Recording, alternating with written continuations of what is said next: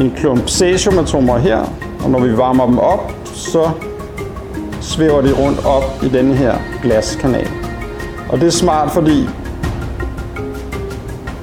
herfra sender vi laserlys, og det gør, at laserlyset passerer igennem alle vores atomer, og det er atomerne, der virker som vores små øh, magnetfeltsensorer. Og en af de ting, man kunne være interesseret i at detektere, det er magnetiske signaler fra et hjerte.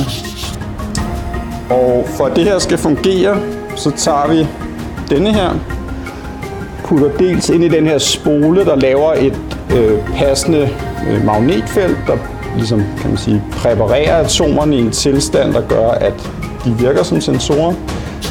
Uden at skulle skære hul i maven på folk, jamen, så kan man faktisk udnytte, at et fungerende hjerte udsender magnetiske den her putter vi så ind i et stort magnetfeltskjold, fordi vi har ikke brug for alle mulige andre magnetfelter, der kommer flyvende alle mulige steder fra til at forstyrre vores eksperiment.